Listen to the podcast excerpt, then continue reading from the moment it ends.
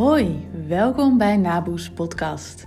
Ik ben Rebecca en ik help mensen zoals jij, die al goed Nederlands spreken, om nog beter Nederlands te leren. Zodat je je helemaal thuis voelt in het Nederlands en in Nederland.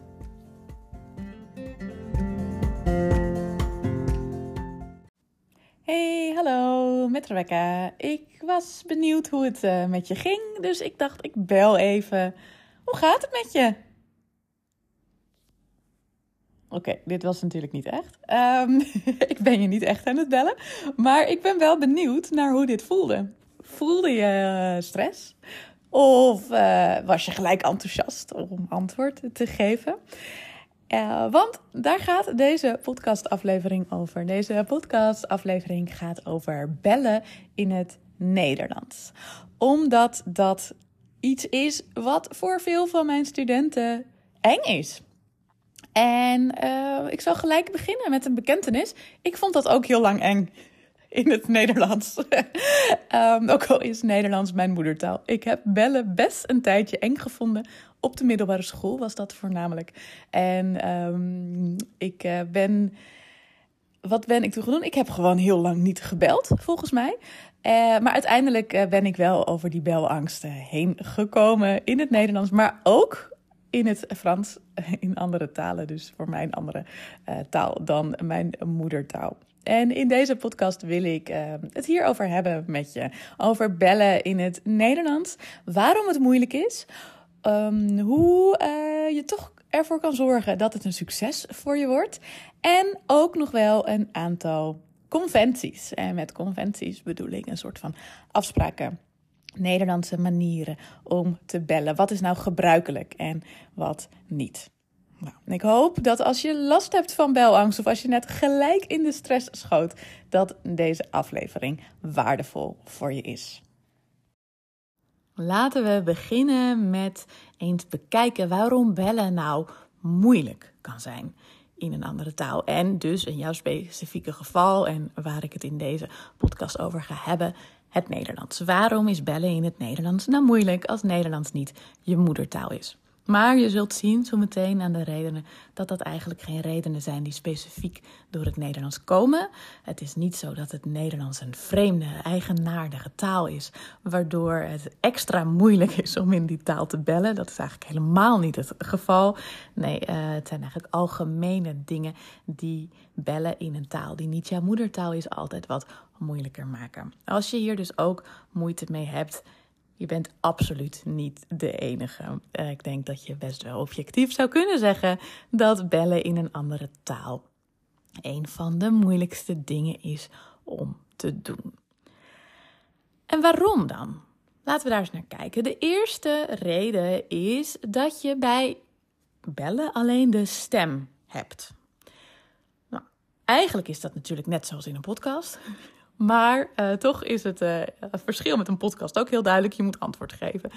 Uh, maar je hebt alleen de stem. Dus je hebt alleen de stem om je informatie uit te halen. En in een normaal gesprek heb je ook de gezichtsuitdrukking van degene met wie je spreekt.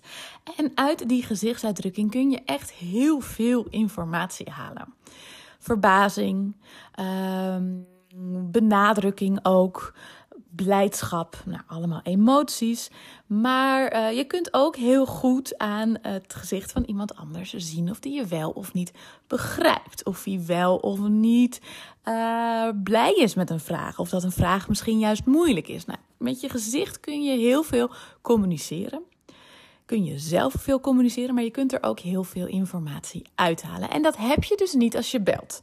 Want ik ga wel even in deze podcast uit van het gewone standaard bellen, niet van videobellen of via Zoom bellen, wat natuurlijk ook allemaal uh, kan. Uh, maar dan is het weer net wat anders en dan lijkt het veel meer op een gewoon gesprek. Dus daar wil ik het juist niet over hebben. Ik wil het hebben over het echte bellen. Ik weet eigenlijk niet of dat nog het echte bellen is, maar misschien wel het ouderwetse bellen. Het bellen met uh, alleen je stem met, uh, via de telefoon. Nou, um, dat was dus de eerste uh, reden. Je hebt geen gezichtsuitdrukking waar je informatie uit kunt halen. Of de andere kant op waar je zelf informatie mee kunt overbrengen. En dat brengt me op het tweede punt.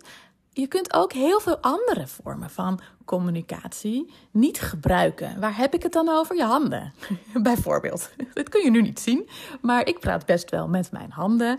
En daarmee benadruk ik sommige woorden. Ik kan ook naar dingen wijzen, natuurlijk. Eh, waardoor je nog duidelijker weet waar ik het over heb. En ehm, die manier van communiceren heb je ook niet als je belt, helaas. Dus als ik het heb over een bepaalde, bepaalde kleur, waarvan jij de naam niet goed begrijpt, of, niet, of het woord niet kent, dan kan ik daarnaar wijzen. Of andersom, als je zelf even niet op de, het Nederlandse woord voor een bepaald voorwerp kunt komen, kun je er naar wijzen als het er toevallig is. Of je kunt het met je handen een beetje proberen te tekenen. Nou, ik denk dat je mijn punt wel begrijpt. Ja, dat kan niet via de telefoon. Nou ja, je kunt het wel doen, maar het helpt niet. Ik zal je zeggen, ik praat ook met mijn handen terwijl ik deze podcast opneem. Uh, maar ja, jij ziet dat niet. Dus eigenlijk heb je daar helemaal niks aan. Het kan me helpen, maar jij hebt er zelf niks aan. Om die, uh, je kan geen informatie uit die handgebaren halen. Een derde reden waarom bellen best wel moeilijk kan zijn, is omdat een opname, of zeker als je alleen maar stem hoort, een accent kan versterken. En daarmee wil ik niet zeggen dat je altijd eh, veel slechter te begrijpen of te verstaan bent als je via uh, gesproken berichten communiceert. Helemaal niet. Maar het is wel zo dat een accent versterkt kan worden. Ik zeg kan worden, het is niet per se altijd zo. Maar als dat zo is, als dat in jouw geval zo is, dan kan het zijn dat daardoor degene met wie je praat moeilijker je, uh, je begrijpt.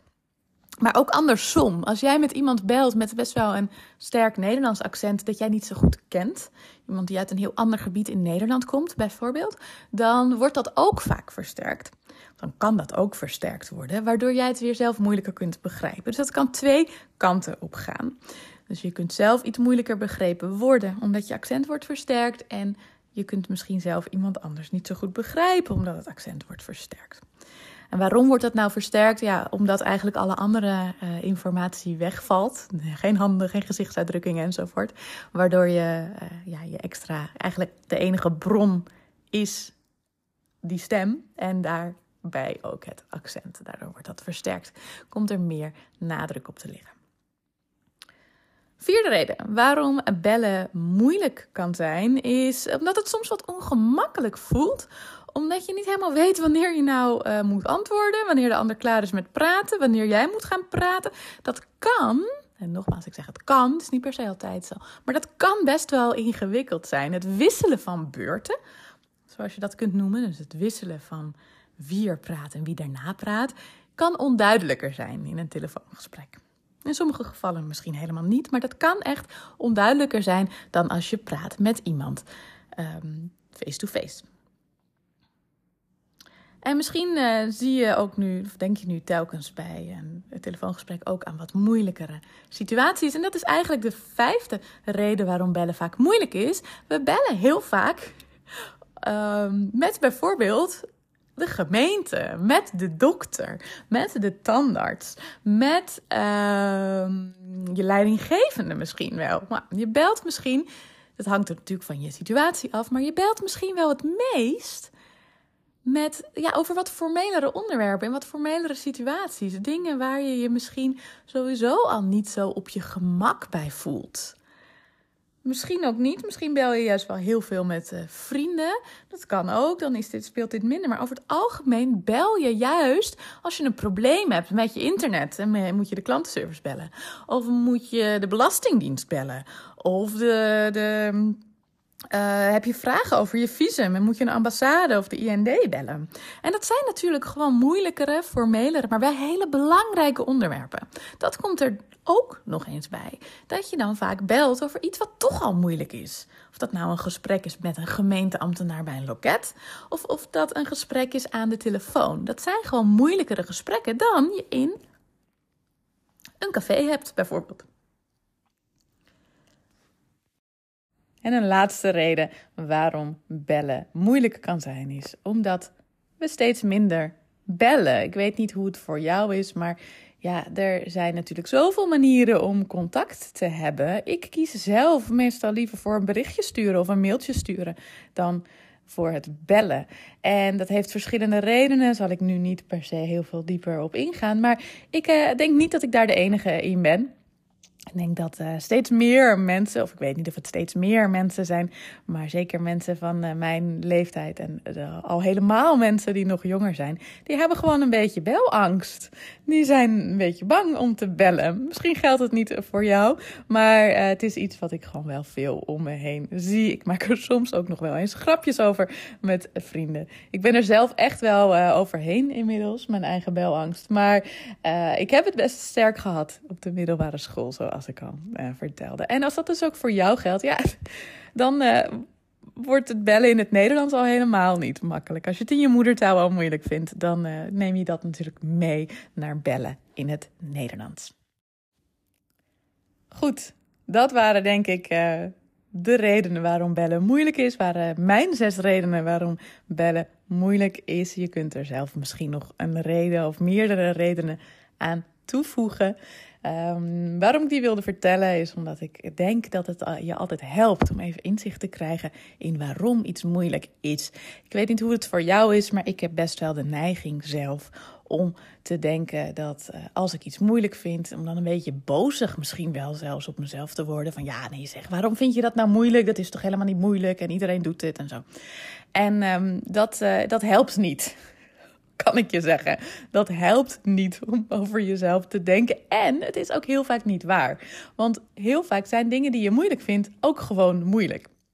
En zeker in dit geval is dat zo. Uh, bellen, als jij dat moeilijk vindt in het Nederlands, dan ja, dat is gewoon moeilijk. Deze redenen zijn heel algemeen voor iedereen geldend. Het is eigenlijk niks persoonlijks van jou, omdat jij gek bent of zo. Nee, dat, het zijn gewoon hele duidelijke redenen waarom bellen in een andere taal moeilijker is dan een gesprek voeren face-to-face in een andere taal. In het Nederlands dus, in jouw specifieke geval. Maar laten we het niet alleen over de moeilijkheden hebben, want ik weet wel zeker dat jij ook dit kunt. Je kunt bellen in het Nederlands. Echt waar. En als je tot uh, hier in de podcast bent gekomen, dan wil je waarschijnlijk ook bellen in het Nederlands. Maar dat is wel een eerste goede vraag om jezelf te stellen. Waar, ja, is het echt noodzakelijk om te bellen? En is het echt belangrijk voor je om te bellen? Vraag je dat eerst eens af, want als je niet wil bellen, hoef je natuurlijk niet te bellen. Als je het fijner vindt om te mailen, dan kun je in heel veel gevallen mailen. Als je het fijner vindt om via WhatsApp te communiceren, dan kan dat. Dus dat is wel een eerste stap. Moet het echt? Is het echt noodzakelijk om te bellen? Of is het echt belangrijk voor je om te bellen? Daarmee wil ik niet zeggen dat als je het eng vindt, dat je dan maar dus niet moet bellen. Maar dat je je wel even moet afvragen waarom je dat zou willen.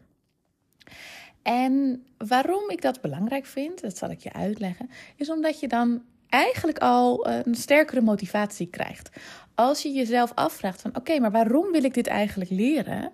Dan ga je daar een antwoord op geven. Bijvoorbeeld, nou omdat het veel sneller is dan mailen.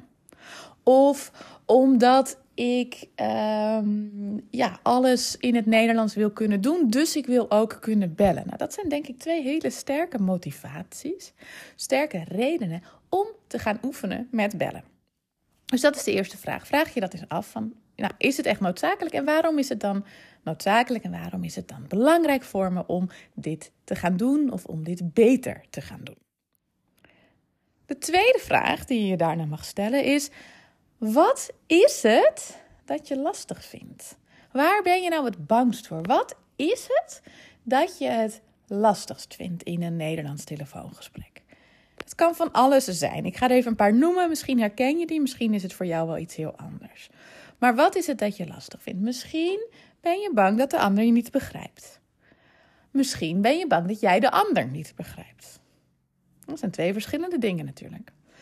Uh, misschien ben je wel bang dat je uitgelachen wordt. Ik denk dat dat meestal een onredelijke angst is. Dat zal niet zo vaak gebeuren, maar dat kan natuurlijk wel je angst zijn. Waar ben je precies bang voor? Of ben je juist bang dat je de woorden niet kunt vinden? Of ben je bang dat mensen je niet kunnen helpen? Dat ze je niet, ehm, dat je gewoon niet kunt overbrengen in een gesprek wat je wil overbrengen.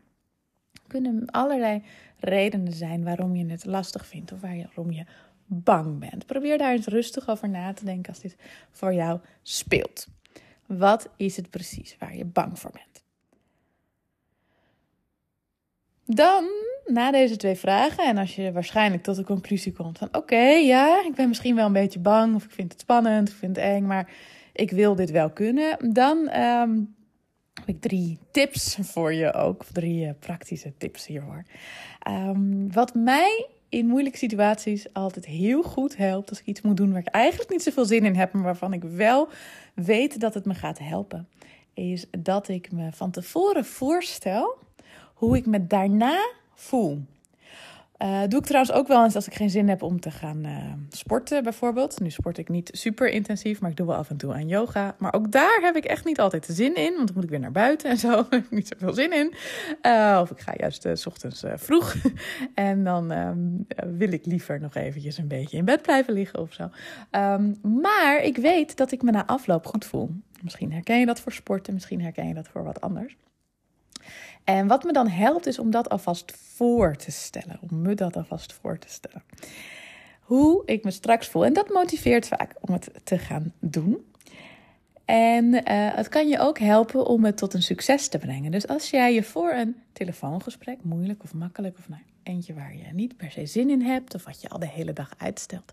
Als jij je van tevoren voorstelt hoe je je straks voelt, dan geeft het een hele sterke motivatie. Dus bijvoorbeeld als jij de gemeente moet bellen over wat voor stomme reden dan ook, dan uh, kun je je alvast voorstellen hoe je straks voelt, namelijk opgelucht dat je het eindelijk gedaan hebt en dat het niet meer op je to-do-list staat.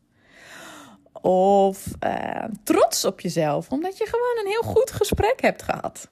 Nou, probeer je dat eens voor te stellen. En daar mag je best even nou, 10, 20, 30 seconden of misschien wel een hele minuut de tijd voor nemen. Om dat echt even voor te stellen en te voelen ook. En uh, meestal wordt het dan uh, en makkelijker en wordt je gesprek succesvoller, beter als je dat daarna gaat voeren. Dan een tip, ja, hij ligt heel erg voor de hand, maar ik wilde hem toch wel zeggen. Ga uh, naar een ontspannen, rustige plek als je moet bellen. Als je het lastig vindt om te bellen, ga dan niet bellen op een plek waar ook heel veel lawaai is. Of waar allemaal mensen met je meeluisteren en naar je kijken als je misschien een fout maakt of zo.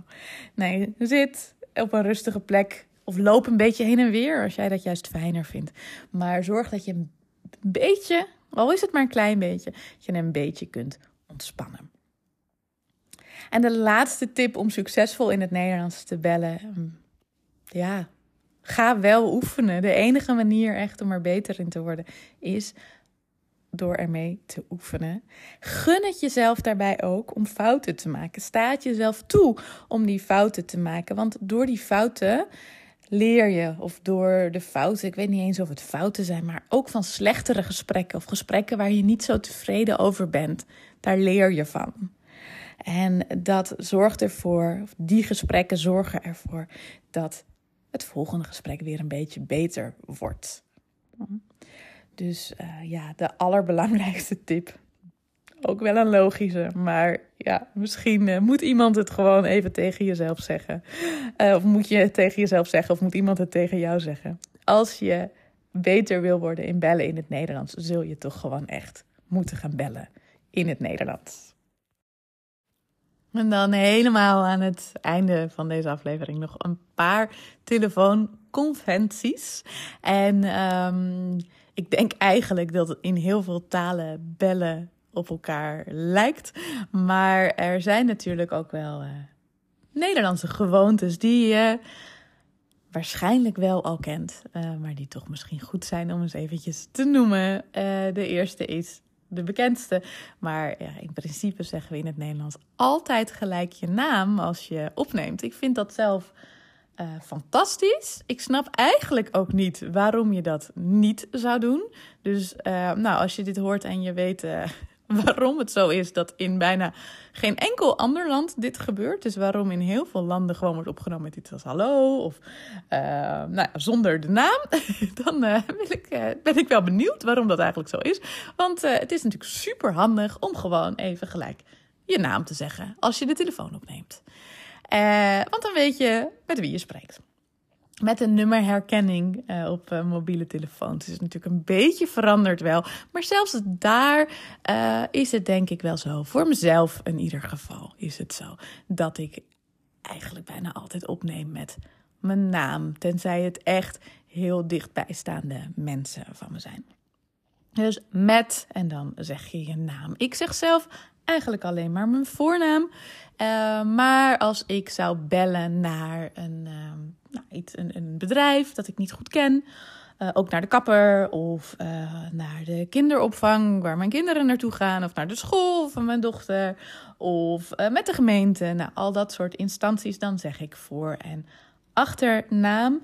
als een onbekend nummer me belt, dan zeg ik wel eigenlijk ook alleen maar mijn voornaam. Juist niet mijn achternaam erbij. En, maar dit kan persoonlijk zijn. Er zijn mensen die wat ehm, gemakkelijker altijd hun voor- en achternaam zeggen. Dus daar mag je ook zelf wel wat in kiezen. Alleen achternaam kan op zich ook. Ik vind dat wel een beetje ouderwets. Ik denk niet dat veel van mijn leeftijdsgenoten dat doen, alleen opnemen met hun achternaam. Maar goed, zeg het wel eens vaker. Maar van mij mag je altijd doen wat je wil. Dus als je graag met, ook je, met alleen je achternaam wil opnemen, kan dat ook. Verder nog Nederlandse telefoonconventies. Ik kan ze eigenlijk niet bedenken. Ik denk dat dit de belangrijkste is. Je, uh, je moet je naam zeggen als je opneemt. En um, verder is het zoals een gesprek in het Nederlands ook zou zijn. Er zijn geen dingen wezenlijk anders in een telefoongesprek dan in een gesprek face-to-face -face of bij een loket of op een andere plek. Dat was het voor vandaag. Ik uh, hoop dat je hier wat aan hebt. En ik hoop dat het je ook motiveert om hiermee te gaan oefenen. Als het natuurlijk belangrijk voor je is. Dat, het mag ook je conclusie zijn dat dit voor jou nu geen prioriteit heeft. Of dat het gewoon echt niet nodig is. Dat jij helemaal niet in het Nederland hoeft te bellen. En ook niet wilt kunnen bellen. Dat is natuurlijk net zo goed een keuze die je daarin kunt maken. Maar dankjewel voor het luisteren naar deze aflevering. Voor ik uh, helemaal de aflevering afrond, wil ik je nog vragen om, uh, als je deze podcast vaker luistert en als je de afleveringen en de kennis die ik erin deel waardeert, of je me dan ook een review zou willen geven. Want hoe meer reviews ik heb, hoe makkelijker en hoe beter deze podcast te vinden is voor andere mensen. En zo kan ik weer meer mensen bereiken, want ik wil graag zoveel mogelijk mensen helpen om nog beter een Nederlands te leren. Dus als je even hier de tijd voor wil nemen, dank je wel. Het kan vrij makkelijk. Bij Spotify staat het helemaal bovenin. Kun je een aantal sterren geven. En uh, in Apple Podcast staat het juist een beetje aan het einde. En uh, bij andere dingen weet ik het niet. Maar ik denk dat het daar ook vrij prominent te vinden is. Maar als je dit, uh, deze podcast waardeert en je zou me een review willen geven, dan uh, ben ik je daar heel dankbaar voor. Dankjewel en tot de volgende aflevering, hoop ik. Doei!